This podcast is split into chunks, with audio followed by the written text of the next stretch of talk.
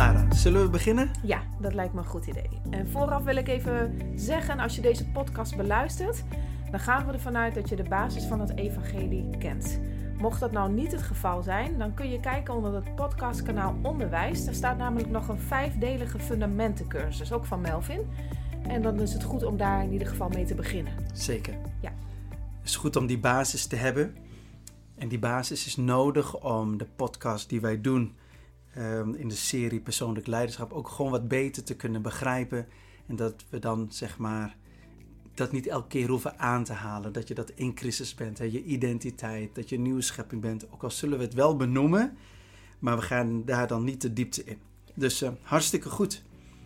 Ja, Ja, nou, eh, de titel van eh, deze podcast is Het Seizoen van 100. Ja. We hebben het nog steeds over persoonlijk leiderschap. Inmiddels zijn we al bij de zesde afleveringen of het zesde deel. ja, Eh, nogmaals, het seizoen van 100. Nou, het klinkt eigenlijk heel eh, spannend. Dat ik denk, waar gaat dit over? ja. Maar eh, Het seizoen van 100, ja. ehm, de titel, het seizoen van 100, is eigenlijk ontstaan toen ik ontdekte dat Isaac niet per toeval werd geboren toen Abraham, eh, Abraham 100 jaar oud was.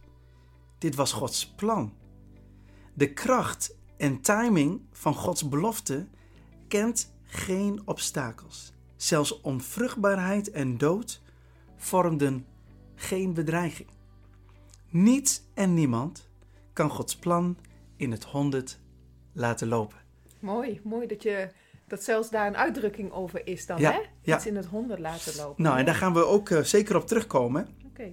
Ehm, en daarom is het heel goed om, als je luistert naar deze podcast, om te kijken wat kan jij daar persoonlijk nou mee in je leven. Dat je persoonlijk leiderschap neemt over het thema het seizoen van 100 dat we met elkaar gaan behandelen. En Tamara, wil jij lezen vanuit Genesis 21, vers 1? Daar staat: De Heere bezocht Sarah zoals hij gezegd had. En de Heere deed aan Sarah zoals hij gesproken had. En Sarah werd zwanger en zij baarde Abraham een zoon in zijn ouderdom, te bestemde tijd waarvan God tot hem gesproken had. En Abraham noemde de zoon die hem geboren was, die Sarah hem gebaard had, Isaac. En Abraham besneed zijn zoon Isaac toen hij acht dagen oud was, zoals God hem geboden had. Abraham nu was 100 jaar oud toen hem zijn zoon Isaac geboren werd. Ja, dankjewel. Kijk, we gaan eh, deze podcast gaan we het over deze versen hebben en gaan we de diepte in. En tijdens de podcast genaamd Help mij u te vertrouwen, hadden wij een leermoment en dat noemden wij God waakt zelf over zijn belofte aan jou. Kun je dat nog herinneren? Dat deden we de vorige keer. En in Genesis 21, vers 1, dus wat je net hebt gelezen, zien wij dat eigenlijk letterlijk gebeuren. Oftewel, God neemt zelf het initiatief. En dat vind ik even belangrijk om dat te benadrukken. Dat is leermoment 1. God neemt zelf het initiatief. Als je dit zo hoort en als we het hierover gaan hebben, zeg ik daarmee niet: jij hoeft niets te doen, want God neemt wel het initiatief. Dat is niet wat ik zeg. Wat ik wel zeg, is dat God het initiatief moet nemen, omdat wat God van plan is om door jou heen te doen, kan jij niet. Oké, dus de eerste zet moet wel van hem komen. In die, Die moet van hem komen. Met andere woorden, even heel, heel eenvoudig. Abraham en Sarah moesten God wel geloven. Hmm. Abraham en Sarah moesten God wel vertrouwen. Ze moesten wel openstaan voor die belofte. Mhm. Maar gezien hun fysieke omstandigheden konden zij niet zozeer het initiatief nemen, ook al, of nou ja, hè, ook al zouden ze dat doen, dan nog was het niet gelukt, omdat, nou ja, dat gaan we straks zien, het lichaam van Abraham was al ehm, verstorven en hij was al ehm 100 jaar oud. En, en, en op basis daarvan konden zij eigenlijk helemaal niet, niet de belofte van God tot uitvoer brengen. Mhm. En dat is even belangrijk om te weten. God neemt zelf het initiatief. En we moeten even de diepte in. En daarom bij Genesis 21, vers 1, daar staat: De Heere bezocht Sarah zoals hij gezegd had. En daarna staat er: En de Heere deed aan Sarah zoals hij gesproken had. Hier zie je dus dat de Heere bezocht en de Heere deed. Mhm. Initiatief komt van God. God stapte in. God bezocht Sarah. Dus dat is even belangrijk. Kun je me volgen daarin? ja, ja. Ja? Ja? Dat, dat, dat God dan die, dat initiatief neemt. En wat ik net zei, God moest het initiatief, initiatief wel nemen. Omdat Abraham en Sarah niet in de gelegenheid waren om Gods belofte waar te maken. Waarom is dit zo belangrijk om te onthouden? Als je namelijk naar je natuurlijke omstandigheden kijkt en je voelt aan alles dat ook al zou je het initiatief willen nemen, dat het geen zin heeft omdat de omstandigheden zodanig zijn dat je op eigen kracht niet in staat bent om de belofte van God in je leven manifest te maken. Hmm. Dat kan dus heel erg frustreren. En wat, wat deze situatie wil doen met je geloofsleven, die wil eigenlijk zeggen, omdat jij in deze situatie niets kan doen, zal de belofte van God waarschijnlijk ook niet uitkomen.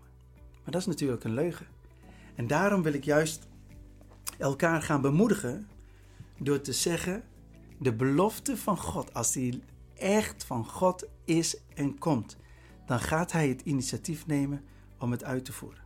Amen. Ja? Ja. Nou, en ik, toen ik dit zo aan het lezen was, toen voelde ik aan alles alsof de Heilige Geest zei: Je moet hierop blijven mediteren. Ik, so- soms heb ik van die momenten, dan lees ik en dan, dan weet ik gewoon: Oké, God wil iets zeggen, maar mijn ziel, mijn verstand, wil en emotie kan het dan soms nog niet pakken. En dan kost het tijd om het te mediteren, te mediteren in mijn geest. En, wat, en dat klinkt een beetje vaag misschien, hè? In Ja, mijn- ik- hoe, ehm, kan je dat wat, wat letterlijker maken? Hoe heb je, want ik Ja. heb het natuurlijk wel gezien, hè, maar de luisteraar was er niet bij de afgelopen Ja. dagen. Hoe doe jij dat? Ja. Hoe, hoe, als je zegt, daar ben ik over aan het mediteren, hoe ziet dat er dan uit? Nou, ik, laat ik, ik kan misschien niet zo goed uitleggen hoe het eruit ziet. Ik kan wel uitleggen wat ik voel. Ja. Dus ik lees die versen wat jij net hebt gelezen. En ik voel aan alles dat God tegen mij zegt: Ik wil iets vertellen door deze versen. Maar ik kan geen Nederlandse woorden vinden om dat tot uiting te brengen. En ik weet, ik heb ook nog niet de openbaring ontvangen van wat God wil zeggen. Maar ik voel in mijn wedergeboren geest Mhm. dat de Heilige Geest tegen mij zegt: Mhm. Melvin, ook al zie je het nog niet, maar je blijft nu hangen. Dus wat gebeurt er letterlijk? Ik ga deze versen dus letterlijk, bij wijze van spreken, 50 keer lezen. Gewoon echt. En, dat, en 50 is in dit geval geen symbolisch getal. Nee, nee, nee. Snap je? Ja. Maar echt letterlijk. Ja. En maar lezen, en maar lezen. Totdat God zegt, dat woordje bestuderen.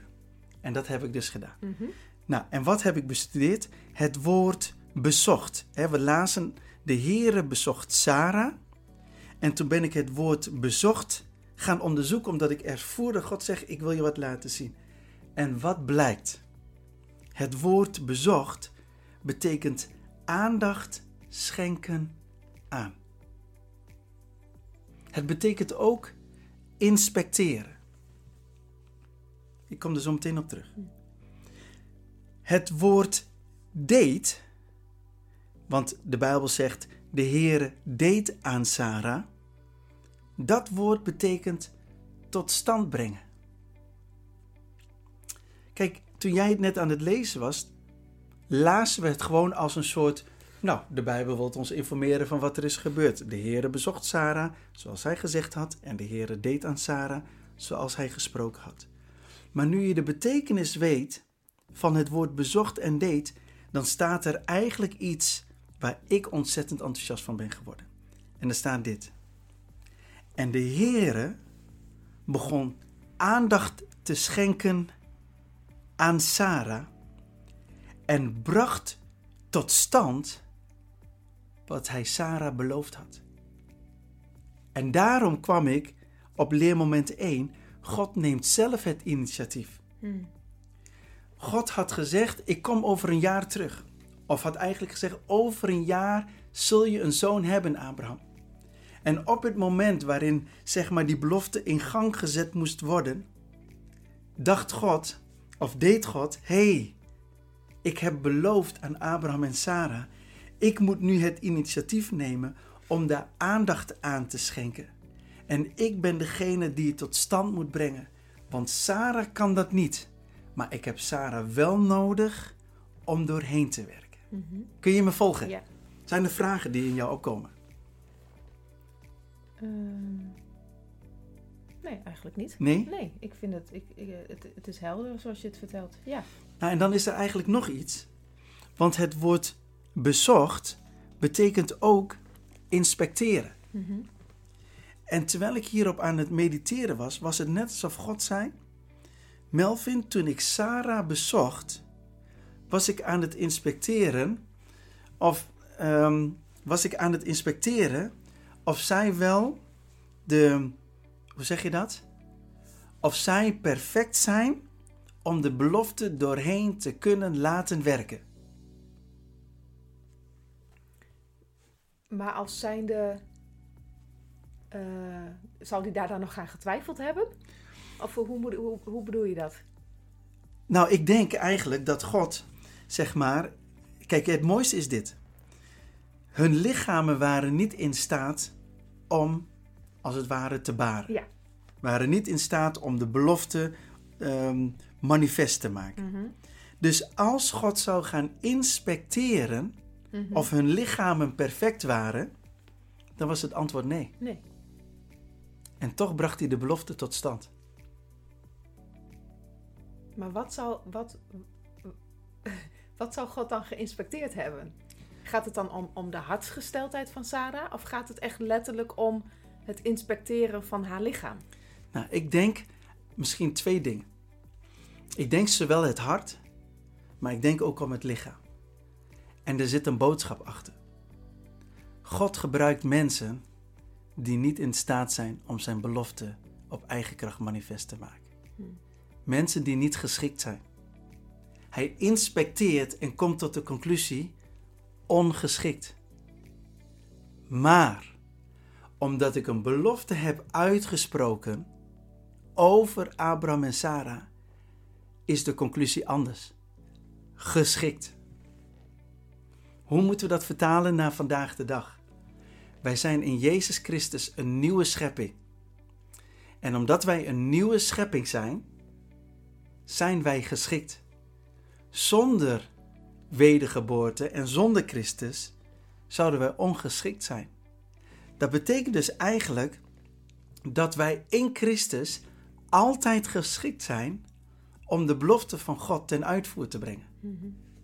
En dat is natuurlijk een geweldige boodschap om gewoon te horen vandaag. Want als jij je vandaag ongeschikt voelt op basis van jouw natuurlijke capaciteiten, op basis van je natuurlijke omstandigheden, dan is dat een verkeerde conclusie als je jezelf ongeschikt vindt. Want zodra God begint te inspecteren, ziet Hij jou in en door het bloed van zijn zoon. En daardoor ben je altijd geschikt. Ja. Ja. Kun je dat volgen? Ja, ja, helder. Ja? Ja. In Genesis 11, vers 30 staat namelijk dat Sarai en later Sarah onvruchtbaar is. Maar God begon aandacht te schenken aan haar en aan de belofte die hij aan Abraham en Sarah had gegeven. God inspecteerde de omstandigheden en concludeerde dat die perfect waren om de gedane belofte tot stand te brengen. Het onmogelijke gebeurde. Sarah werd zwanger. Het onmogelijke gebeurde. Ik zie je zo bedenkelijk kijken. Ja, oh nee, weet je, enerzijds is het, toch, is het helder en, en anderzijds klinkt het ook heel onlogisch dat ehm, God inspecteerde de omstandigheden en concludeerde dat die perfect waren. En dat is precies wat het eigenlijk juist in het natuurlijke niet was. Nee, Snap je? ja. En, en daar kan soms dan even verwarring over ontstaan in je denken. Dat je denkt, hè, hoezo is dat dan? Oké, en misschien heeft, heeft de luisteraar dat ook wel, hè? Dus laat ik het nog, nog, nog één keer, want het is gewoon veel belangrijker om te begrijpen wat, wat ik probeer te zeggen. Abraham en Sarah ontvingen een belofte van God. Je zult een zoon hebben. Abraham en Sarah waren in hun natuurlijke omstandigheden, waren zij niet het perfecte koppel om een zoon te krijgen. God ging inspecteren en laten we even vanuitgaan dat God het lichaam inspecteerde en de omstandigheden. Daarvan kwam God tot de conclusie dat die naar de natuur gesproken niet perfect waren. Ja. Maar omdat hij een belofte had gedaan, zei hij van ja, ook al zijn de natuurlijke omstandigheden niet perfect, maar mijn belofte gaat sowieso plaatsvinden. Mm. Dus Gods belofte stapt over de natuurlijke omstandigheden heen. Ja. In die situatie. Ja. Nou is Jezus Christus voor ons aan het kruis gestorven. Wij zijn nu in Christus Jezus. Mhm. Door het bloed zijn wij perfect. Dus als de Heilige Geest nu oms- omstandigheden inspecteert en ons hele wezen en wie wij zijn, en hij komt tot de conclusie dat wij een nieuwe schepping in Christus zijn, zijn wij de perfecte personen om de belofte die heel persoonlijk op jouw leven rust tot uitvoer te brengen, ook al heb jij zelf het gevoel dat je niet perfect bent. Mm. En daarin kan de boze ons zo eenvoudig aanvallen. Waardoor eigenlijk de boze zegt: Weet je, op het moment dat jij denkt dat jij niet perfect bent, ben jij natuurlijk gewoon een ontzettend makkelijke prooi. En daarom is het zo bemoedigend wat God door Abraham en Sarah deed. Niet perfect, zowel ook niet in hun geloofsleven. Hè? Mhm. Dat hebben we in de Ja, dat- afgelopen ja. series hebben gezien. Ja. Dus ook niet in hun geloofsleven. Ze waren ook cynisch in, de eerste, in eerste instantie. En hun natuurlijke omstandigheden waren al helemaal niet perfect. Mhm. En toch had God hun uitgekozen om de belofte doorheen te voeren. Ja. Dus daarom is het werk van Jezus Christus zo relevant. Mm. Nou, Abraham was in zijn ouderdom, hij was 100 jaar oud toen Isaac werd geboren. Bizar is dat, hè? Ja. En in Romeinen 4, vers 19 staat dat zijn eigen lichaam verstorven was. En verstorven betekent dat zijn lichaam zich in een dode toestand bevond. Ja, dat, dat, dat, dat klinkt als, eh, als eh, dat er dan echt een wonder moet gebeuren om iets weer levend te krijgen als iets al dood is. Hè? Precies. Dus eigenlijk, want, want ehm, ehm, eigenlijk moet deze, eh, dit dode lichaam moet leven voortbrengen. Precies, ja. Dus daarom zijn de omstandigheden voor God zo perfect. Ja, ja, ja. Oh ja, dat is mooi. Weet je, want, want Abraham en Sarah konden hier helemaal geen roem uithalen. Nee, als het, Ze- als het al levend was, dan was het, eh, dan, dan was het meer, meer een logisch gevolg. Ja, Ja, als het gezond stel Ja. en weet je, alles klopt en Ja. alles perfect. ja, Weet je wel, ze hebben een strak lichaam, zijn eh, eh, begin 20 of midden 20. Ja, nee, nee, maar snap je? Ik bedoel, als alles klopt, dan, dan zou je misschien nog eens denken van, oh ja, dat zijn hele fitte mensen. En met strak lichaam bedoel ik gewoon, als je, ze na- als je naar ze kijkt, dat je denkt, het. het ziet er fit uit. Snap je? Ja. Maar dat was het dus niet. nee. Dus als je even gewoon naar je eigen leven kijkt, ziet ons leven er eigenlijk ook gewoon zo uit. We zijn niet perfect. Weet je wel, we zijn niet de perfecte christenen. We zijn niet de perfecte vader en moeder. En er Mm. zijn zoveel dingen waarin wij zo cynisch over zijn en geen geloof over hebben. En onze omstandigheden zijn niet goed. En het is niet perfect. We hebben een verkeerde baan. We wonen in het verkeerde huis. We, we rijden de verkeerde auto. Ik kom voort vanuit de verkeerde familie. Nou, g- ga zo maar door. Hm. Snap je? Ja. Maar dan is het voor God, het, het, was, het is misschien net zo dood als het lichaam van Abraham, maar dat is voor hem toch zo perfect. Daarom zei ik ook al bij de intro, zei ik van dat onvruchtbaarheid en dood vormen niet eens een bedreiging voor God. Nee. Dit is echt een power statement. Hm. Als je nou luistert, is dat iets wat je over je leven zou moeten uitspreken. Dat zelfs dood en onvruchtbaarheid vormen geen bedreiging voor God. Soms wel voor ons in het natuurlijke, hè? dat ze Mhm, denken, wow, mhm. dit gaat echt niet goed komen. Maar voor God niet. Ja. En dat is echt wel iets om op te leunen en om op te steunen. Nou, heel bemoedigend ook. Ja, Ja. dat is ook de bedoeling. Ja. Hè? En daarom denk ik ook dat het even goed is dat we naar leermoment 2 gaan. Mhm. Zou je dat eens even eh, met ons eh, willen, eh, ehm, zou je ons daarin Ja. willen leiden? Onvruchtbaarheid en dood zijn voor God geen obstakels. Dat hebben we net, hè, hebben we net ook gezegd. We kunnen met een gerust hart vaststellen dat de houdbaarheidsdatum van het lichaam van zowel Abraham als van Sarah verstreken was. Dus naar de mens gesproken kon Sarah niet zwanger raken. Maar toch gebeurt het onmogelijke. Geweldig is dat. Ja. In Marcus 9, vers 23 er staat: Alle dingen zijn mogelijk voor wie gelooft. En laat ik eerst even het volgende zeggen. De belofte van God, of het profetisch woord van God, is sterker en krachtiger dan jouw natuurlijke omstandigheden. Ja. Als jij dit zo hoort, wat, wat probeer ik dan te vertellen? Ehm, dat, dat, wij, dat wij niet moeten kijken op onze natuurlijke omstandigheden, want die kunnen eh, dood en dor en, en eh, gestorven, verstorven zijn. Hè? Ja. M- Maar dat, dat, dat God, dat, dat dat juist eigenlijk de perfecte omstandigheden voor God zijn om, de, om zijn belofte die hij aan jou heeft gedaan, om die dan ook eh, tot uiting te laten komen, waarheid te laten worden. Ja.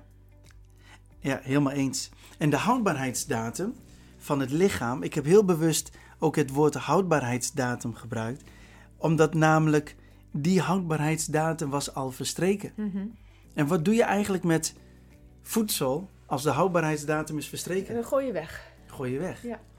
En wat wij soms ook doen is even, dat klinkt een beetje raar, maar dat wij soms onszelf weggooien. We noemen dat disqualificeren. Ja. Wij disqualificeren onszelf omdat wij vinden dat de houdbaarheidsdatum is verstreken. Maar daarom is ook het thema het seizoen van 100. En als ik ga uitleggen wat dat betekent, dan zou je nooit meer jezelf gaan weggooien. En wij waren in die zin afgeschreven eh, in de ogen van God, omdat wij de zonde hebben gedaan. Hè? Uit Adam en Eva, nou ja, daarin kwamen wij eh, voort, hè? zijn wij afstammelingen om maar zo te zeggen. Dus we hebben eh, het DNA van de zonde, ehm, heb, dragen wij in ons. Maar nu wij Jezus Christus hebben aangenomen als onze persoonlijke Heer en Verlosser, dragen we zijn DNA. En door zijn DNA en door zijn leven heeft God eigenlijk gezegd: er is geen houdbaarheidsdatum meer, er is eeuwig leven. En ehm nou moeten we het even in de context plaatsen, want hier op aarde, er komt een moment dat we zullen sterven.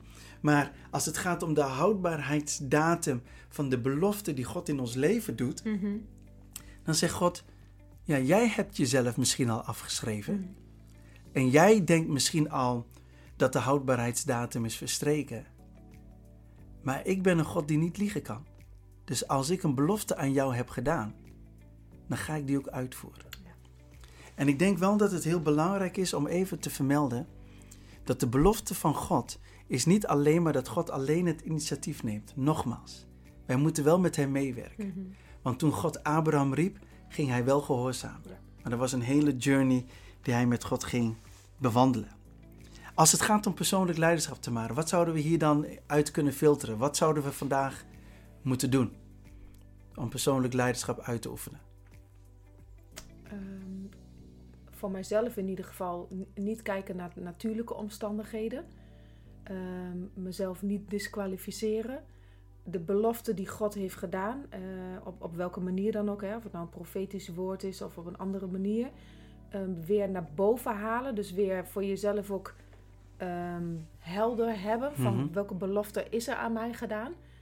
Ehm, en en eh, nou ja, weet je, God neemt het initiatief, maar jezelf ook wel klaarmaken. Dus op het moment dat God Precies. komt, Precies. dat jij er dan ook wel klaar voor bent Juist. dat God kan doen wat hij beloofd heeft. Dus niet alleen maar lekker achterover leunen en denken, nou ja, ik wacht wel tot God het initiatief Juist. neemt. Ja. Maar ook zelf wel actie daarop ondernemen. Ja. En, nou ja, weet je, dat is voor ieder persoonlijk, maar je kunt je er wel iets bij bedenken hoe je actie moet ondernemen dan, hè? Ja, maar wat ben jij nou? eh, want eh, ehm, ik zie een enorme verandering in jouw geestelijk leven in de afgelopen eh, nou, anderhalve maand, twee maanden. Ehm, wat ben jij concreet aan het doen om jezelf klaar te maken voor de belofte die God op jouw leven heeft gelegd? Want die is voor ons twee is die heel helder, hè? Mhm. Is ook over je leven geprofiteerd. Mhm. Echt superkrachtig. Wat ben jij nu praktisch aan het doen? Eh, Bemoedig de, eh, de luisteraar. Eh, wat praktisch, ehm, meer tijd met God doorbrengen. Dat Ja. is eigenlijk het, dat is het, dat is wat ik aan het doen ben. Maar kon dat dan in een drukke agenda?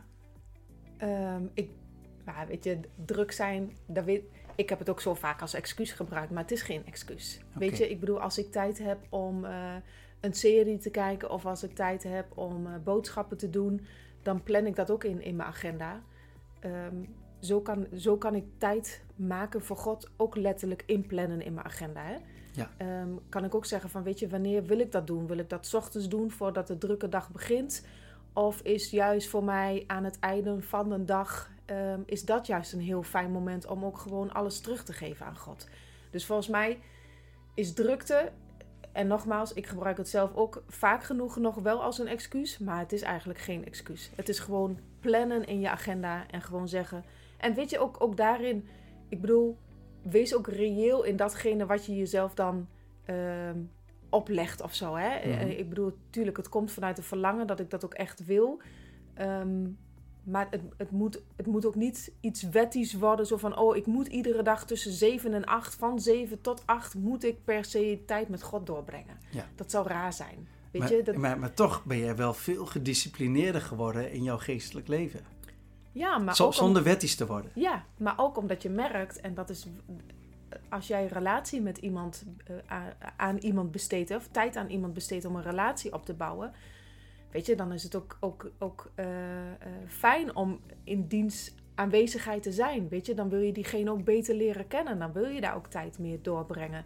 Dus daarmee krijg je ook een verlangen, doordat je dan ook dingen van God te horen krijgt, ehm, krijg je ook het verlangen om de volgende dag elkaar weer te willen ontmoeten. Ja. Toch? Ik bedoel, Ja. dat is net, nou ja, toen wij, hoeveel jaar geleden, eh 30 jaar geleden inmiddels? Drie jaar geleden is dat te maken. Nee, bijna 30 jaar geleden elkaar leren kennen. Ja, Nou ja, weet je, ik bedoel, dan kon jij bij mij zijn geweest en je fietste naar huis. En we hingen twee minuten later alweer aan de telefoon met elkaar. En praten we nog weer een uur, terwijl Ja. we elkaar daarvoor ook al uren hadden gezien. Ja. Snap je? Dat is wat relatie hebben met elkaar en elkaar leren kennen natuurlijk ook doet. Dus dan ontstaat er ook een verlangen om, ehm, nou ja, om daar tijd aan te besteden. En dan voelt het niet zozeer als, ehm, als moeten, maar als een verlangen ehm, van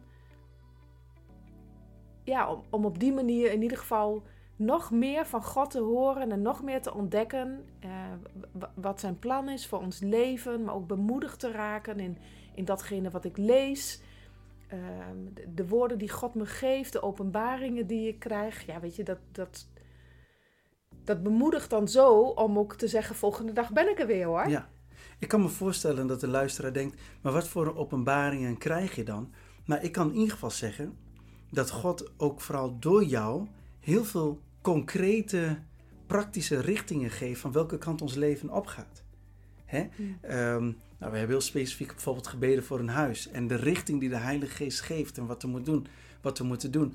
Eh, als het gaat om voorbeden voor mensen. Ehm, en- en wat God dan over die mensen zegt gewoon. En om daarin heel discreet te blijven. Hè, houd het ook gewoon zeg maar binnen, binnen onze vier muren. Mhm. Maar het geeft zoveel richting. Eh, dus openbaring is niet alleen maar openbaring over wie God is.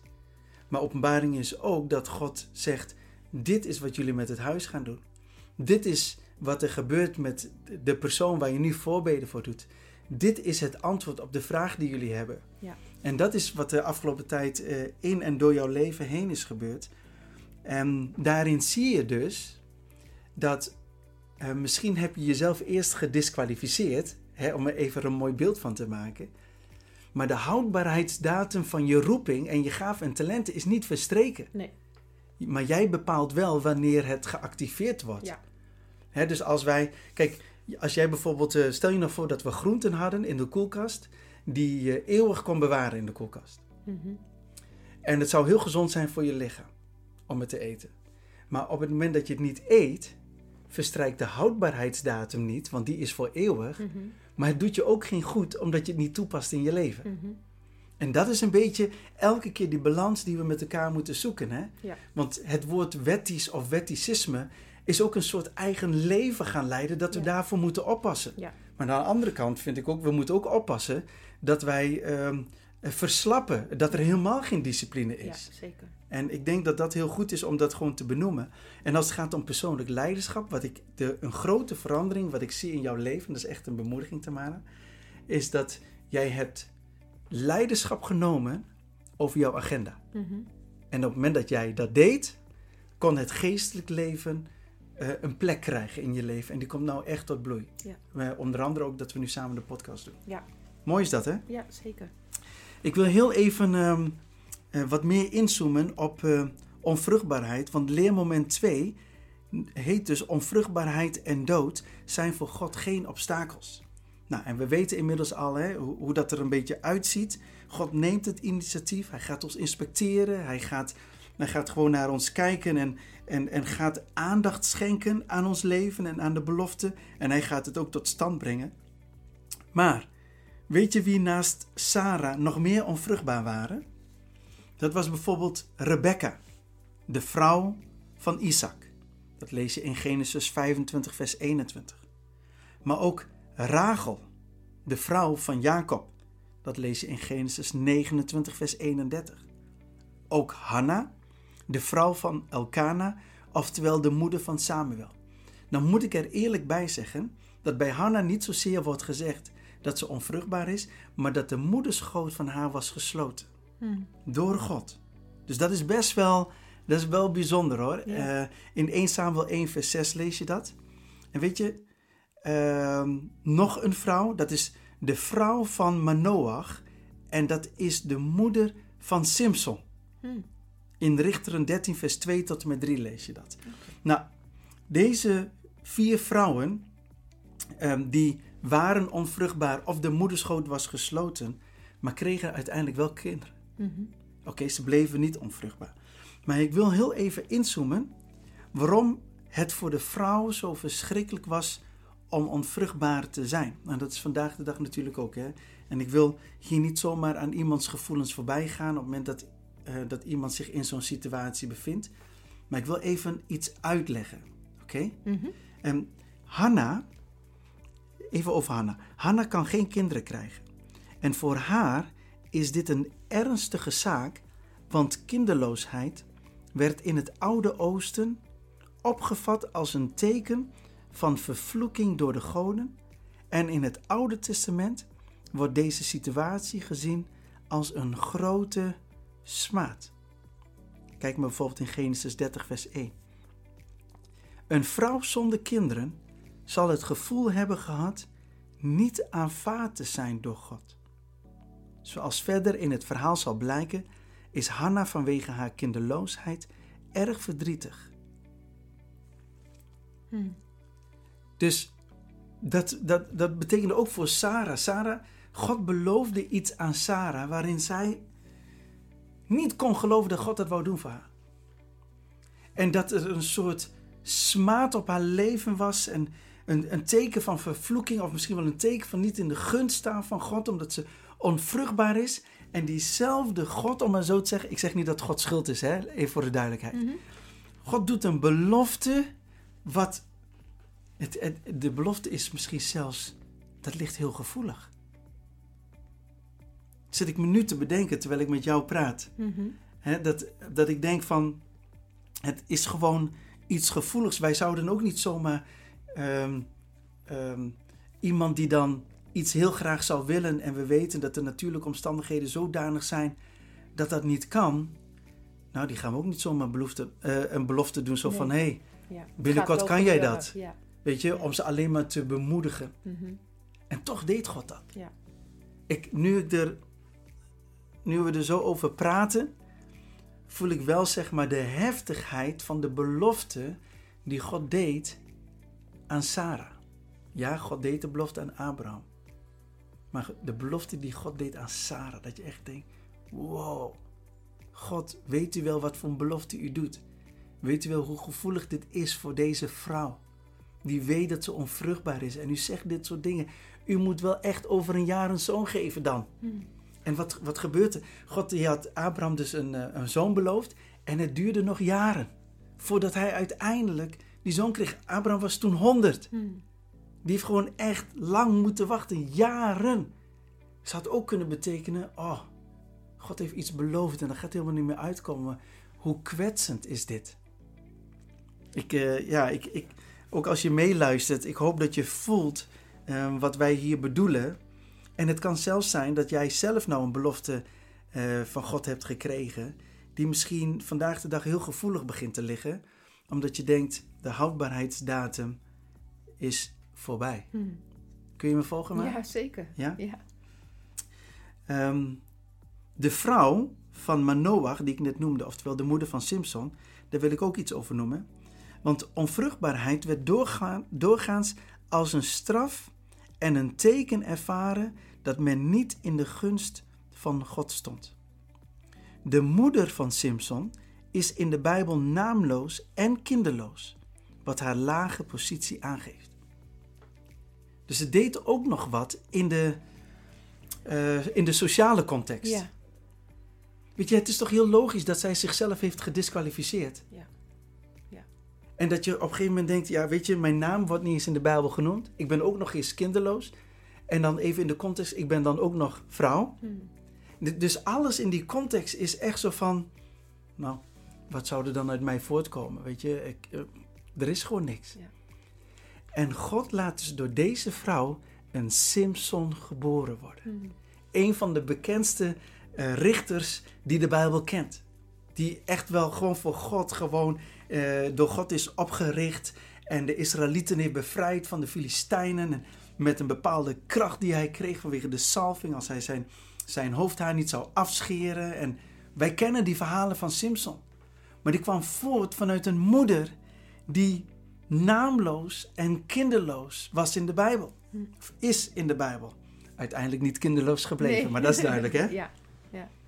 Maar als ik dit zo zeg, reageer eens even, want je zit me heel erg. eh, Nou, weet je, ik zit het, ik zit het Aan te kijken. Nou, ik zit het te vertalen naar, naar, naar nu, hè? ja, Hoe, hoe wordt dat nu gezien? Ehm, en ik denk dat dat nog. Ik, ik denk dat dat soms nog steeds zo is. Dat er nog steeds op deze manier ook wel. ehm, misschien door vrouwen zelf gekeken wordt. Hè, op het moment dat zij eh, ongewild kinderloos zijn. Want er zijn natuurlijk ook genoeg vrouwen kinderloos die, die, die dat ook. Hè, die ook geen wens hebben om een kind te krijgen. Ja. Maar stel dat je nou ongewenst kinderloos bent. eh, en, en ik denk dat christenen daar echt wel een, ehm, een handje van hebben. Klinkt een beetje eh, denigrerend, zo bedoel ik dat niet. Maar er wordt denk ik al wel heel snel gedacht dat op het moment dat jonge mensen gaan trouwen, dat er dan ook eigenlijk dat je binnen een jaar ook al wel zwanger zou moeten zijn of zo, hè? Dus dat, dat- een soort van zelfsprekendheid. ja, weet je, ik, en ehm, ik kan me voorstellen dat dat ook wel een bepaalde druk met zich meeneemt. Ehm, ja, die, die, die, die, die we als christenen elkaar daarmee ook wel aan kunnen doen. Mhm. Snap je wat ik bedoel? Jazeker. Ik bedoel, toen werd het dan ook echt wel gezien als een, als een soort van straf of een, een teken, hè? Dat, dat je dus niet in de gunst staat eh, eh, van God. Mhm. Ehm, maar tegenwoordig, ja, weet je, de, de maatschappij is wel heel anders ingericht. Dat het hele gebeuren kinder, kinderloosheid of kinderwens, dat, dat is natuurlijk wel anders dan hoe het vroeger was. Ehm, maar toch denk ik dat we, ja, dat we daar soms misschien wel aan, aan voorbij gaan, aan die gevoeligheid die het ook met zich mee kan brengen. Hè? Ja. Hoe je denkt over ehm, ehm, nou ja, hoe, hoe snel iemand zwanger zou moeten zijn op het moment dat, dat hij getrouwd is. En dan heb ik het vooral even over christenen. Want die, eh, die, die, ja, ik denk dat die nog heel vaak wel op die manier denken. Of wanneer er inderdaad hè, geen kind, eh, eh, eh, hè, wanneer iemand niet zwanger raakt, nou ja, dat er dan misschien ook wel wat gedacht als zijnde van, oh, dat is, eh, dat is een straf of eh, een, een, een, vervloeking of zo. Ja, en ik, ik denk dat het ook niet alleen maar is wat mensen misschien tegen elkaar zeggen. Alhoewel ik niet gelijk denk dat mensen dat tegen elkaar of Nee. over elkaar zeggen. Maar misschien moeten we even aan toevoegen dat mensen ook zo over zich- zichzelf zouden kunnen Ja, denken. hè? zeker. Nee, ah, ja. Ehm, en dat dat eh, een druk met zich meebrengt. Maar we lezen dus letterlijk ook in Gods woord. En daarom is het misschien wel heel mooi dat je dat aankaart. We zien gewoon een strijd ontstaan tussen Hanna en Penina in 1 Samuel 1. Juist omdat de ene wel kinderen heeft en de ander niet. ja. En dat daar echt een strijd over ontstaat. En daar ook over vrucht en vrucht dragen. Kijk, een kind is natuurlijk ook een vrucht, zeg maar, van Mhm. liefde, laat ik het Mhm. maar zo zeggen. Mhm. Maar zo zijn er ook vruchten op andere gebieden.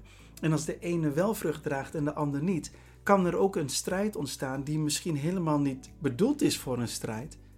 Maar dat er een soort eh, competitie ontstaat Ja, of zo. ja. Ehm, dus, en ik denk ook wel dat zeg maar, met onvruchtbaarheid, ehm, dat we het inderdaad niet te licht moeten nemen. En daarom eh, ook wel gewoon eh, discreet, daarin Ja. discreet moeten zijn. Ja. Hè? Het is niet zo van, nou ja, ehm, eigen schuld, dikke bult, zeg maar. Nee, zeker niet. totaal niet. Maar ik vind het wel belangrijk om hier te laten zien dat God vrouwen heeft gebruikt die in beginsel onvruchtbaar waren. Ja. Maar dat is niet een positie waarin God ze heeft gelaten, eh, maar ze eruit heeft gehaald. En de onvruchtbaarheid in hun levens werd wel verbroken. Hè? En hun leven zijn die vier vrouwen die ik net heb genoemd. Mhm. En die wil ik nou eigenlijk ook even benoemen. Ehm, wat ik persoonlijk geloof, eh, niet alleen maar mijn persoonlijke overtuiging, maar ook wat ik lees vanuit het woord. Ehm, bij de eerste, de onvruchtbaarheid in het leven van Sarah werd doorbroken door Gods belofte. Ja. Ik geloof dat met heel mijn hart. God had beloofd aan Sarah. Mhm.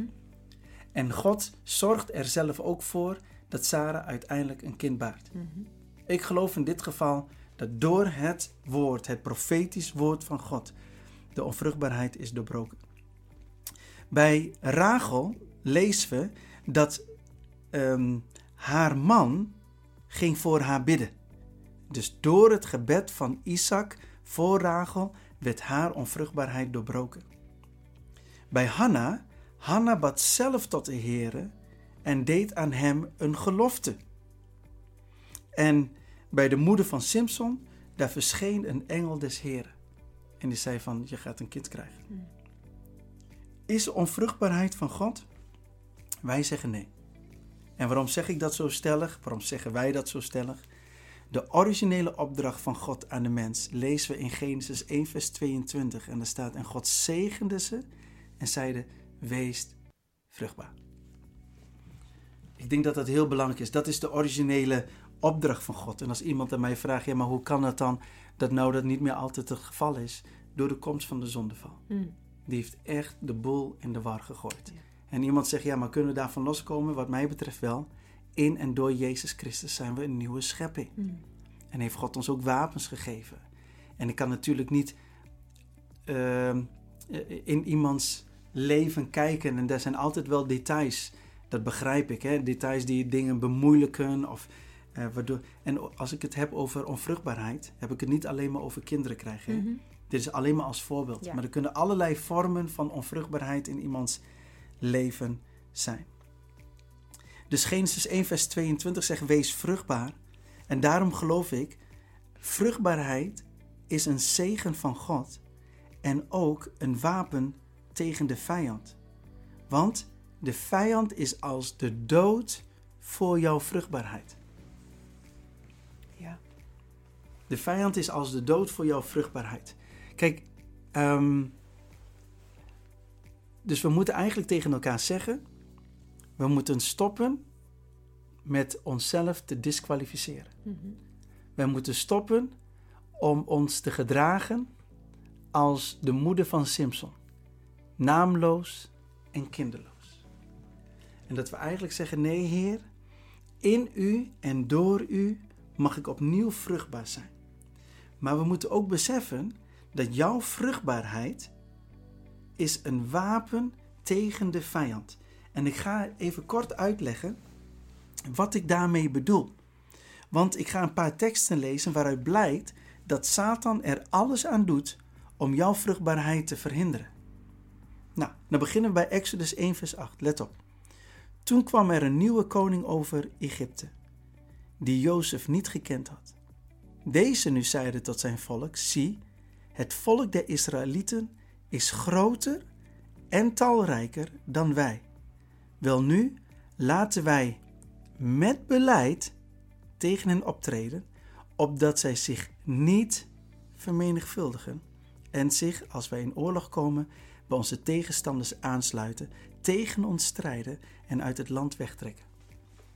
Zie, dus als je gewoon de koning van Egypte even symbolisch neerzet als de duivel, die ziet dat je groter en talrijker wordt, oftewel vruchtbaar, dan gaat hij een beleid maken om tegen jou op te treden, zodat je je niet vermenigvuldigt. Hm. En ho- hoe goed is het van Satan, hoe slim bedacht, om jou in een mindset te laten, in een denkpatroon van naamloos en kinderloos. Laten we even de moeder van Simpson even als dat symbool gebruiken. Mhm. hè? Naamloos en kinderloos. Nou, als jij blijft in naamloosheid en in kinderloosheid, dan heeft hij jou niets te vrezen. De- Nee, dus dan, niet- dan, val je niet op Nee. en dan kent niemand jou. En dan, Precies. eh, ja. Terwijl de potentie, de opdracht van God is: wees vruchtbaar. Mhm. Kan je me daarin volgen? Ja. Laten we kijken wat de duivel nog meer doet. In Johannes 10, vers 10. De dief komt niet dan om te stelen en te slachten en te verdelgen. Ik, Jezus, ben gekomen opdat zij leven hebben en overvloed. Dus alles wat leeft kan zich vermenigvuldigen. Sterker nog, Jezus zegt dus ook dat hij is gekomen om overvloed te geven. Dus met andere woorden, die vrucht die Jezus wilt geven aan ons, ja, Satan wil dat niet en daardoor wil hij proberen om dat te stelen, te slachten en te verdelgen. Mhm. En als je dus ziet dat bepaalde vruchten gaan komen en die vruchten verdwijnen in één keer zomaar uit je leven, hmm, misschien moeten we maar eens gewoon eens aan onszelf de vraag stellen: worden mijn vruchten nou niet gestolen en geslacht? Want dat is zijn doel. Ja. Maar we zijn ons er niet altijd van bewust. Soms zegt ze, nou, het, het- God gaf een zegen en dat kwam en ja, het is nou weer weg. Nou ja, het is toch mooi dat ik dat een keer heb meegemaakt. Maar Jezus zegt, maar ik ben gekomen dat zij leven hebben en overvloed. Hier staat niet per definitie voor een bestemde tijd, voor een Mhm. kleine periode. Maar goed, in Marcus 4, vers 14, daar staat dit. De saaier zaait het woord. Dit zijn degenen die langs de weg zijn, waar het woord gezaaid wordt. En zodra zij het horen, komt terstond de Satan en neemt het woord dat in hen gezaaid is weg. En evenzo zijn die op steenachtige plaatsen gezaaid worden, degenen die, zodra zij het woord horen, het terstond met blijdschap aannemen. Doch zij hebben geen wortel in zich, maar zijn mensen van het ogenblik. Wanneer later verdrukking of vervolging komt om der wille van het woord, komen zij terstond ten val. En een ander deel zijn degenen die in de dorens gezaaid worden. Dit zijn zij die het woord horen, maar de zorgen van de wereld en het bedrog van de rijkdom en de begeerten naar al het andere komen erbij en verstikken het woord en het wordt, wat staat er? Onvruchtbaar. En het wordt onvruchtbaar. En dit zijn degenen die in goede aarde gezaaid zijn, zij die het woord horen en in zich opnemen en vrucht dragen. 30, 60 en 100 fout. Kijk, ik wil even aangeven, in vers 15 daar staat dit. Waar het woord gezaaid wordt en zodra zij het horen, komt terstond de Satan. Met andere woorden, de Satan is ook daar waar het woord gezaaid wordt. Mhm. Daar is die gewoon. Ja. Dus, en daar heeft hij gewoon een doel om dat weg te nemen. Waarom? Om ervoor te zorgen dat jij niet 30, 60 of 100voudig vrucht draagt. Ja. Dus hiermee wil ik aantonen dat jouw vruchtbaarheid is een wapen tegen de vijand. Maar weet je, we zijn soms ook wel een beetje opgevoed hier in Nederland. Zo van, doe maar gewoon, dan doe je al gek genoeg. En het hoeft niet allemaal zo dat heel veel en dat soort dingen. Maar God zegt eigenlijk 30, 60, 100voudig. Ik wil juist dat je heel veel vrucht draagt. Want het gaat niet alleen maar om dat jij vrucht draagt. Maar het is een radicale wapen tegen de vijand. Mhm. Maar het is ook het uitoefenen van de opdracht die ik aan jou heb gegeven. Amen. Ja? Ja. Kan jij ons verder Ja. meenemen? Ja, nou misschien denk je, maar is de originele opdracht van God anno vandaag nog wel realistisch? Kunnen wij die opdracht nog wel uitvoeren? Jazeker is dan het antwoord. En waarom? Vanwege het volwacht, volbrachte werk van Jezus Christus. Amen. Dat staat in eh, 2 Korintiërs 5, vers 17. Er staat: Zo is dan wie in Christus is een nieuwe schepping. Het oude is voorbij gegaan, zie het nieuwe is gekomen. Mm. In Christus. Dus je draagt ook het DNA van Christus. Dus je hoeft niet meer laag over jezelf te denken. Je hoeft ook niet meer zoals de moeder van Simpson door het leven te gaan. Je kan dus gewoon weer in die zin vrucht dragen, want je bent een nieuwe schepping. Wat staat er in Genesis 21, vers 2? En Sarah werd zwanger en zij baarde Abraham een zoon in zijn ouderdom, te bestemde tijd, waarvan God tot hem gesproken had. Abraham nu was 100 jaar oud, toen hem zijn zoon Isaac geboren werd. Ja. Nou, hier komen we eigenlijk dichter bij de uitleg van het thema het seizoen van 100. Abraham in hoge ouderdom. En dat is logisch als je 100 jaar bent, als dan de belofte zich gaat manifesteren. Isaac werd geboren. Leermoment 3. In het honderd laten lopen, niet bij God. Want in het honderd laten lopen betekent de boel met opzet mis laten lopen of in de war laten lopen. Met opzet. Ik geloof niet dat God met opzet de boel in de war laat lopen. Als de boel toch in de war dreigt te lopen, dan is God juist degene die gewoon echt alles ten goede kan doen laten medewerken. Ja. Maar er is niets in God om jouw leven of de belofte over jouw leven met opzet mis te laten lopen. Kijk, wij zien het als een wonder dat Isaac geboren werd terwijl Abraham in zijn ouderdom, oftewel 100 jaar was. En natuurlijk was dit een wonder. Maar als we wat verder gaan kijken, dan heeft God zijn belofte aan Abraham niet in het 100 laten lopen, maar heeft hij hem in het seizoen van 100 laten komen. Wat bedoelen wij hiermee? Nou, ik was hier gewoon over aan het eh, studeren, ik was aan het voorbereiden. En op een of andere manier was het gewoon alsof de Heilige Geest tegen mij zei: check nou gewoon even het getal 100. Dus ik ben een klein onderzoek gestart over wat het getal 100 nou precies betekent in de context van de Bijbel. Nou, en wat betekent het nou eigenlijk? Nou, het getal 100 staat in verbinding met het getal 1 en met het getal 10. Nou, ik ga niet te diep hierop in, maar in mijn onderzoek heb ik eerst gekeken wat betekent nou het getal 1, getal 10 in de Bijbel. En zij leiden mij naar het getal 100 omdat die met elkaar in verbinding blijken te staan.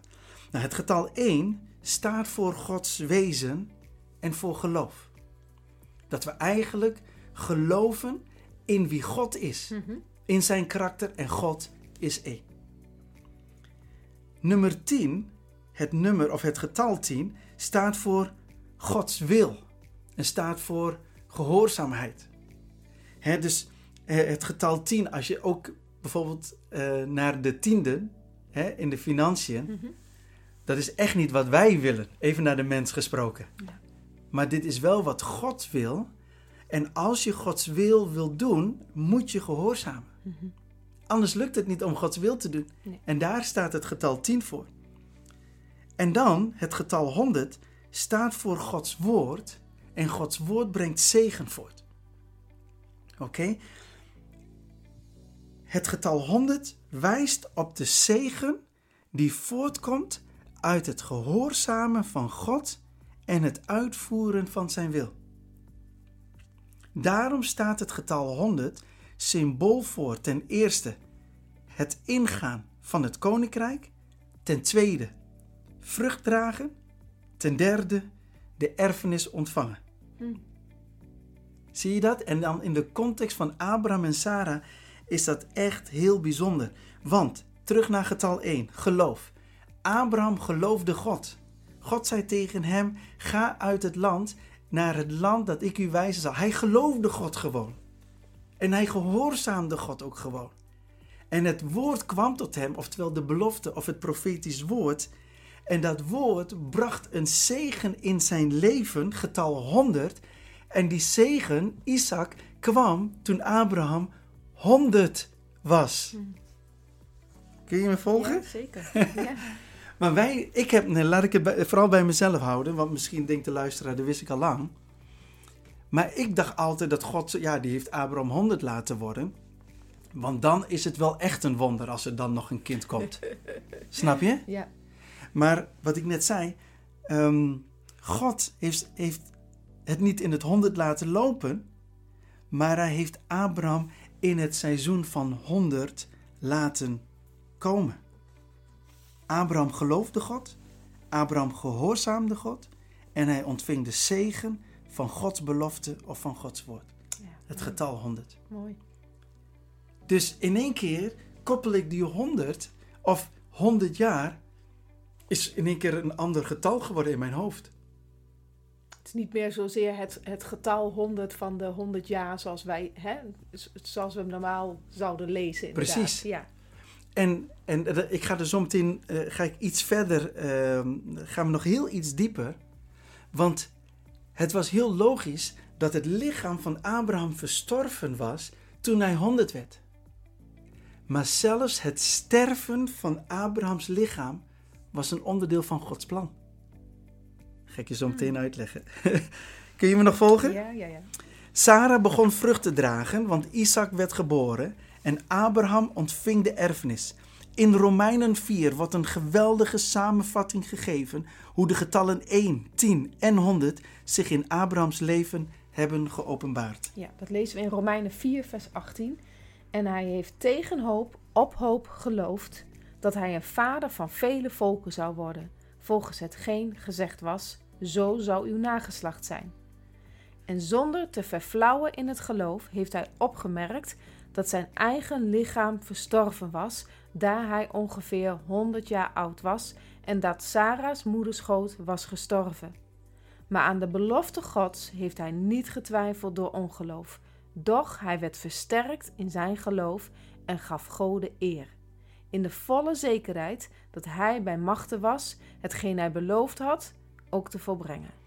Als je hier echt op gaat mediteren, zie je het getal 1, 10 en 100 gewoon door deze versen heen komen. Nogmaals, God heeft zijn belofte aan Abraham niet in het 100 laten lopen, maar hij heeft hem in het seizoen van 100 laten komen. En als je nu luistert, God laat zijn belofte aan jou niet in het 100 lopen. Misschien denk je dat alles met opzet in de war is gegaan en al dat soort dingen. Dat is precies wat de duivel jou wil doen laten geloven. Want hij wil jou geloof, wil hij stelen. Dat wil hij roven, dat wil hij verdelgen, dat wil hij uit je leven wegnemen. Maar God laat jou tot het seizoen van 100 komen omdat hij wil dat je vrucht gaat dragen, dat je uh, het koninkrijk van hem ingaat, dat je vrucht gaat dragen en dat je de erfenis gaat ontvangen. En ik geloof dat het goed is om persoonlijk leiderschap te nemen over je gedachten. En dat je dus leiderschap neemt en zegt: Weet je, het gaat niet meer om de staat van mijn natuurlijke omstandigheden, maar het gaat om de staat van mijn nieuwe schepping in Christus. Dat het mogelijk is om vandaag in het seizoen van 100 te stappen. En hier is 100 veel meer dan een leeftijd met een verstorven lichaam. Hier is 100 het moment voor God om zijn belofte door jouw leven manifest te maken. Een moment van vrucht dragen. En als jij Jezus Christus hebt aangenomen als jouw persoonlijke verlosser, dan is de zegen van Abraham ook voor jou. Amen. In Galaten 3, vers 14 staat: Zo is de zegen van Abraham tot de heidenen gekomen in Jezus Christus, opdat wij de belofte des geestes ontvangen zouden door het geloof. Dus het seizoen van 100 is ook voor jou. Even terug naar Marcus 4, want daar spreekt Jezus over honderdvoudig vrucht dragen. Ja, en dat, en dat, want het gaat om honderd, honderdvoudig, gaat om vrucht dragen. En toen kwam ik bij die Marcus 4, vers 20. Eh, eh, en daar staat dit. En dit zijn degenen die in goede aarde gezaaid zijn. Zij die ten eerste het woord horen, het woord in zich opnemen en vrucht dragen. En dan staat er 30, 60 en 100 fout. En ik geloof dus zeg maar dat we daarin het woord van God moeten geloven. Als we het woord dan ook nog gaan gehoorzamen, dan gaan we ook de zegen van Gods woord ervaren. 30, 60, 100 fout. Hmm. Zie je dat? Ja. Nou, en op basis van het leven van Abraham en Sarah en Jezus' woorden in Marcus 4, moeten we elkaar aansporen om Gods belofte te geloven en te gehoorzamen om vervolgens vrucht te kunnen dragen. Het komt niet vanzelf, maar we hoeven het ook niet op eigen kracht te doen. Gelukkig. Prijs God. Ja, het is mooi hè? Ja. Tamara, als ik dit zo zeg, eh, wat, wat gaat er zo door je hoofd heen? Uh, nou ja, dat je soms denkt, waarom dragen wij nog niet zoveel vrucht dan? Hè? Waar gaat het dan in die zin mis? Wat doen we niet? En als ik daar dan over nadenk, dan denk ik, nou, weet je, dat, dat uh, Gods belofte geloven, hmm, dat lukt dan misschien nog wel eens. En soms vinden we dat misschien ook al wel lastig. Maar dat gehoorzamen, dat is wel een, dat is nog weer een nieuwe stap, hè? Mhm. Dat is wel, dat is, dat gaat nog weer, dat gaat echt letterlijk weer een stapje verder. Ja. En, ehm, nou ja. Maar, maar ik denk dat de vraag wel, ik denk, de vraag is zo relevant. Waar gaat het dan mis? ja. Want dit is volgens mij de beste zelfreflectie die we op dit moment kunnen hebben. Ja. Door Ja. ook gewoon te zeggen van, nou, zoveel vrucht zie ik niet in mijn leven. En dat is niet denigrerend bedoeld over Nee, nee, onszelf of heel Nee. negatief. Of dat het eh, glas dan half leeg is. Helemaal niet. Maar ook gewoon om te zeggen van, nou, nou dan, dan mag eigenlijk wel iets bij. Waar gaat het dan mis? Ja. Ehm, nou, en dat gaf je zelf al aan. Ja. Nou, maar weet je wat er ook gebeurt? Satan zal er dus alles aan doen om jouw geloof en gehoorzaamheid in het honden te laten lopen. ja. Of niet? ja, zeker. Zodat jij geen vrucht voor God gaat dragen. Ja. Weet je? En we kunnen daar even hele praktische dingen eh, eh, aan vastknopen. Gewoon op, het, op basis van het woord. Want op basis van Marcus 4 even een reminder hoe Satan dit doet. Ten eerste, hij rooft het woord van God. Mhm. Ik zou bijna willen zeggen, soms gewoon drie weken het woord niet lezen is gewoon een vorm van het woord roven uit je leven. Ja. En wij hebben het dan weer over drukte en dat soort dingen. En daardoor is het ook zo mooi verkapt. Ja, ik heb niet gelezen, want ik was heel erg druk. Maar in de kern, in de geest, zouden we misschien gewoon heel eerlijk moeten zijn. Het is geroofd. Ja. Het zeker. is geroofd. Ja. Dat is nummer één. Ten twee, hij brengt verdrukking en vervolging, zodat je het beltje erbij neer gaat leggen. Mhm. Nou, misschien denk je van, nou, wij worden nog niet zo vervolgd zoals de christenen eh, die ondersteund worden door Open Doors. Maar allerlei vo- vormen van vervolging en verdrukking, ook hier in Nederland, waar we het gewoon ontzettend goed hebben, daar zijn ook allerlei vormen van vervolging en verdrukking. Nou ja, weet je, dat- ik, ik zit nu te denken aan het woordje verdrukking, hè? Mhm. En dat, dat heeft bij ons inderdaad een heel ander beeld, omdat we dan al denken aan onze vervolgde broeders en zusters in, eh, in andere landen. Maar eh, het woordje verdrukking, daar zit ook alweer het woordje druk in. Oei, Hè? goeie. Ja, Had ik dat nog je, niet gezien. nee, dat je daardoor ook ehm, het bijltje erbij neer gaat leggen. Dat je, dat je denkt, oh nee, ik ben vandaag echt te druk geweest. Nee, dit, ik ga niet ook nog eens Gods woord lezen. Nee, nu heb ik echt even tijd voor mezelf nodig. Of nu ben ik echt moe, nu ga ik slapen. Of, en echt, luisteraar, ik heb het ook vooral over mezelf hoor. Maar ehm, dat, dat is ook... ehm, dat, is- dat is ook wat ik zie, dat, dat, dat Satan gewoon aan het doen is. Weet Ja. je, niet zozeer de vervolging voor ons als christenen hier in het Westen, dat we niet samen mogen komen. Of ehm, eh, dat we ons dorp uit worden gegooid omdat we christen zijn. Die vervolging, die kennen wij helemaal niet. Maar wij kennen wel, denk ik, de, de vervolging in de vorm van de verdrukking door continu maar bezig te zijn met andere dingen dan God. Heel goed. Goed gevonden ook gewoon. Het woordje druk zit er ook in. En ten derde, zorgen, rijkdom en begeerte naar al het andere hebben als doel om Gods woord in jouw leven onvruchtbaar te maken. Dus er is wel degelijk een plan. We lazen dus net over het beleid in Exodus 1, vers 10. Daarin zegt Farao: Wel nu laten wij met beleid tegen het optreden zodat zij zich niet vermenigvuldigen. En dit is het beleid. Dit is het beleid dat ze uitvoeren. En dat zit zo helemaal verweven en verkapt en verscholen in onze wekelijkse agenda, dat we niet eens zien soms dat er met beleid tegen ons wordt gewerkt. Heftig? Ja, Heftig in die zin zo van, nou ja, het is goed om dat even Ja. gewoon eh, inzichtelijk te maken. Hè? ja. Dat is wel mooi. Ik zie je. eh, Ja, Je bent nog aan het zoeken? Ja, ik ben nog aan het zoeken, maar misschien komt dat op een ander moment wel even. Oké, helemaal weer, goed. eh, ja. We hebben nog een leermoment 4. En en die klinkt als volgt. De dood is in de juiste context onderdeel van het plan.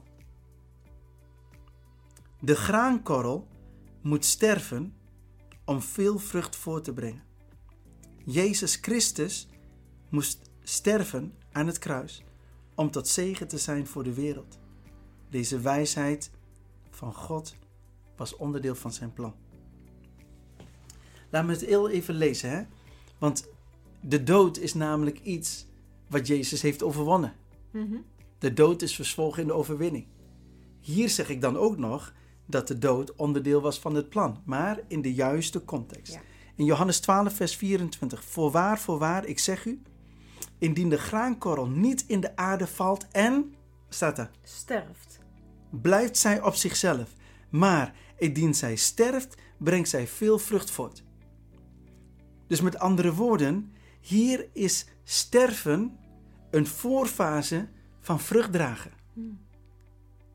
Dus even heel praktisch, Tamara. Even terug naar jouw agenda. Jij moest wel sterven aan een stuk van jouw agenda.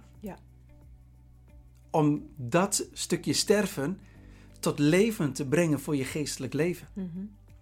Dus je gaat dus zien dat de Bijbel spreekt over dat sterven in de juiste context is dus een voorfase van vrucht dragen. In 1 Corinthians 2 vers 6, toch spreken wij wijsheid bij hen die daarvoor rijp zijn, een wijsheid echter niet van deze eeuw, noch van de beheersers deze eeuw, wie er macht niet gaat. Maar wat wij spreken als een geheimenis, is de verborgen wijsheid Gods, die God reeds van eeuwigheid voorbeschikt heeft tot onze heerlijkheid. Nou, dat staat er vrij makkelijk, hè? Vers 8. En geen van de beheersers, dit is waar ik ehm, de focus op wil hebben. En geen van de beheersers deze eeuw heeft van haar geweten, want indien zij van haar geweten hadden, zouden zij de Heere der heerlijkheid niet gekruisigd hebben. Maar, gelijk geschreven staat, wat geen oog heeft gezien, eh, wat geen oog heeft gezien en geen oor heeft gehoord, en wat in geen mensenhart is opgekomen, al wat God heeft bereid voor degenen die hem liefhebben. Want ons heeft God het geopenbaard door de geest, want de geest doorzoekt alle dingen, zelfs de diepten Gods. Met andere woorden, als Satan wist dat Jezus kruisigen zijn ondergang zou betekenen, had hij Jezus nooit gekruisigd. Mhm. Maar omdat Jezus is gekruisigd en gestorven, was dat de voorfase om tot zegen te zijn voor velen, letterlijk voor de hele wereld, zodat hij vrucht kon dragen. Oké, nu we dit weten, gaan we terug naar Abraham. Mhm. 100 en zijn lichaam was verstorven. En dan denk je, ja, het is te laat. Zijn lichaam is verstorven. Maar in de context van de graankorrel moest zijn lichaam eerst in een status komen van verstorven, anders kon hij geen vrucht dragen. Het is veel meer een profetisch beeld van wat Mm. God doet. En wij hebben alleen maar naar Abraham gekeken als een man die gewoon knetter oud was en bij een wonder en door een belofte gewoon een kind kreeg. Maar God zei: Nee, ik heb hem niet in het honderd laten lopen.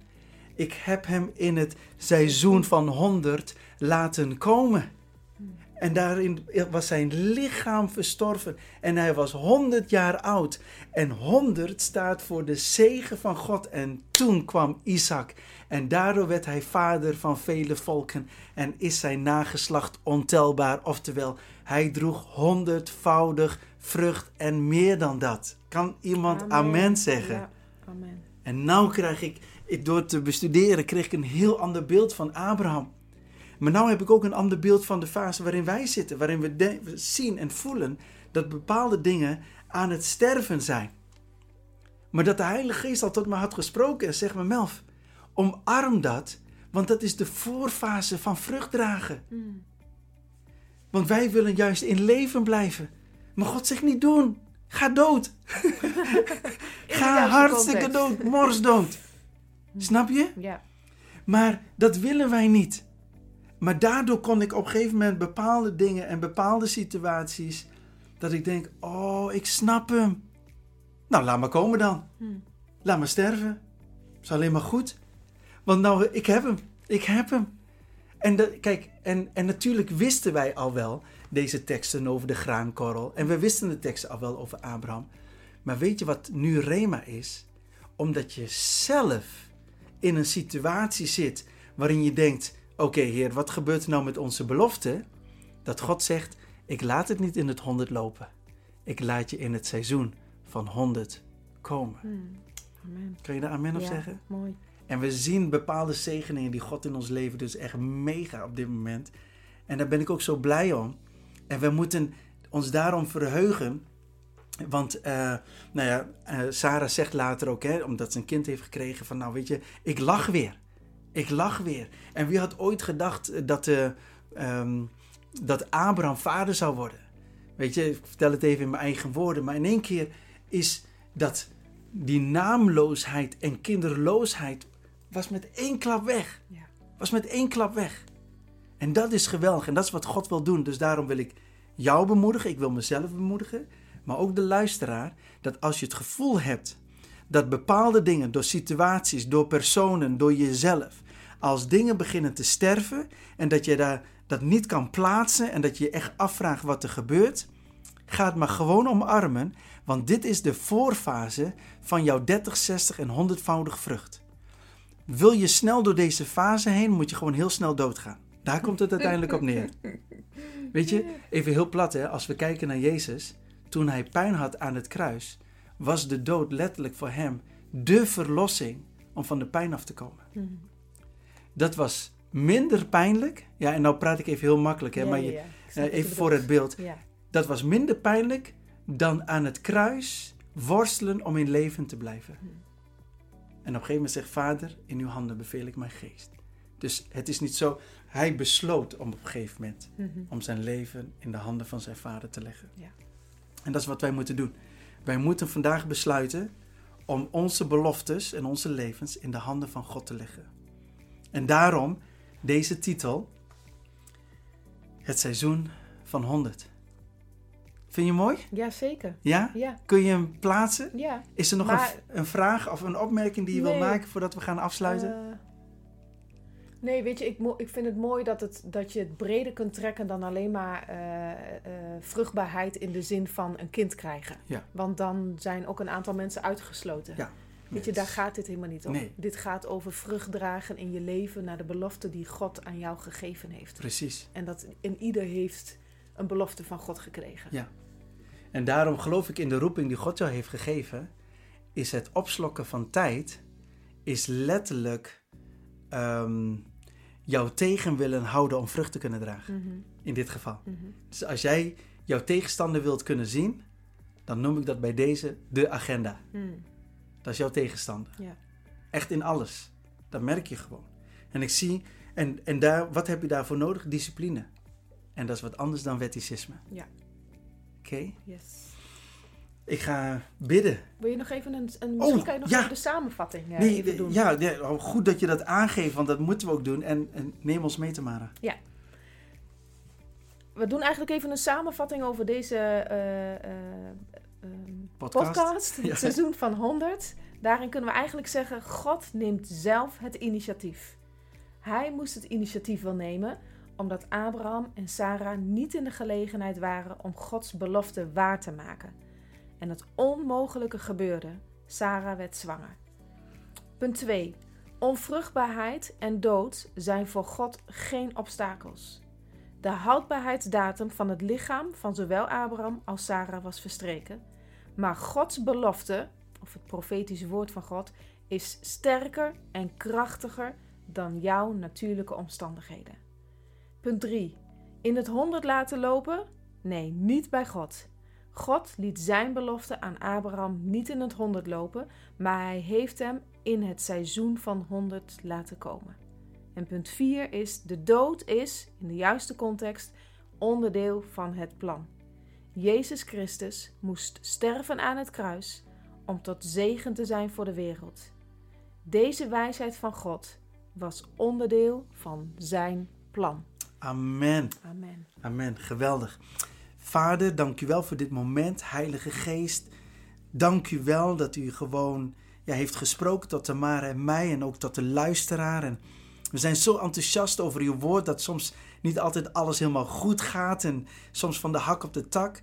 Maar ik wil u bidden, wilt u het enthousiasme over uw woord laten toenemen. Ik bid voor een ieder, ook voor de luisteraar, dat vruchtbaarheid echt weer gaat toenemen. En we willen ook gewoon elke vorm van onvruchtbaarheid verbreken en vernietigen over elk leven in Jezus' naam alleen. En dat u daarin doorbreekt. En dat het beleid dat wordt gevoerd in de geest tegen uw kinderen om vruchtbaar te zijn. Heer, wilt u komen? En wilt u, wilt u laten zien dat u sterker bent dan wie dan ook. En dat we gewoon deze macht en kracht ook mogen binden en verbreken en vernietigen in Jezus' naam alleen.